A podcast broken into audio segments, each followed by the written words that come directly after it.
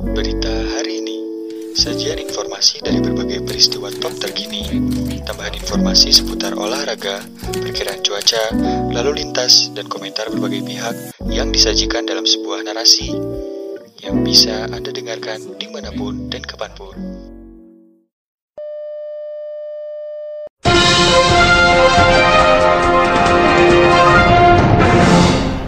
Berita hari ini hadir dari bidang olahraga mengenai Chelsea yang resmi pecat Frank Lampard. Chelsea resmi tidak lagi menjadikan Frank Lampard sebagai pelatih per hari ini Senin 25 Januari 2021. Klub asal London Barat ini mengumumkan perpisahan dengan Lampard dalam situs resmi klub. Ini merupakan keputusan yang sangat sulit dan bukan merupakan keputusan yang enteng bagi pemilik dan dewan klub. Kami berterima kasih kepada Frank atas telah dicapai sebagai pelatih kepala. Namun hasil dan penampilan baru-baru ini tidak memenuhi harapan klub menempatkan klub di papan tengah tanpa jalur yang jelas untuk perbaikan berkelanjutan. Tulis pernyataan resmi tersebut. Pihak klub juga menjelaskan keputusan berpisah dengan Lampard kali ini merupakan sebuah akhir dari proses panjang. Pemilik Chelsea Roman Abramovich pun merasa tidak mudah mengambil keputusan karena hubungan klub dan mantan kapten The Blues tersebut terjalin sangat baik. Dia adalah yang memiliki integritas dan memiliki etika kerja terbaik. Namun dalam situasi situasi saat ini kami yakin bahwa yang terbaik adalah mengganti pelatih. Atas nama semua orang di klub Dewan dan secara pribadi saya ingin berterima kasih kepada Frank atas pekerjaannya sebagai pelatih kepala dan mendoakan dia sukses di masa depan. Dia adalah ikon penting dari klub hebat ini dan statusnya di sini tetap tidak berkurang. Dia akan selalu disambut hangat kembali di Stamford Bridge ucap Abramovich dikutip dari situs resmi Chelsea. Chelsea saat ini menempati peringkat ke-9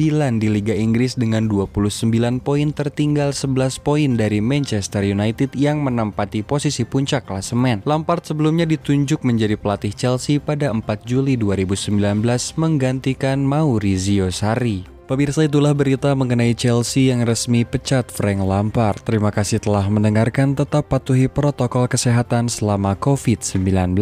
Saya Zaid pamit undur diri sampai jumpa di berita-berita berikutnya.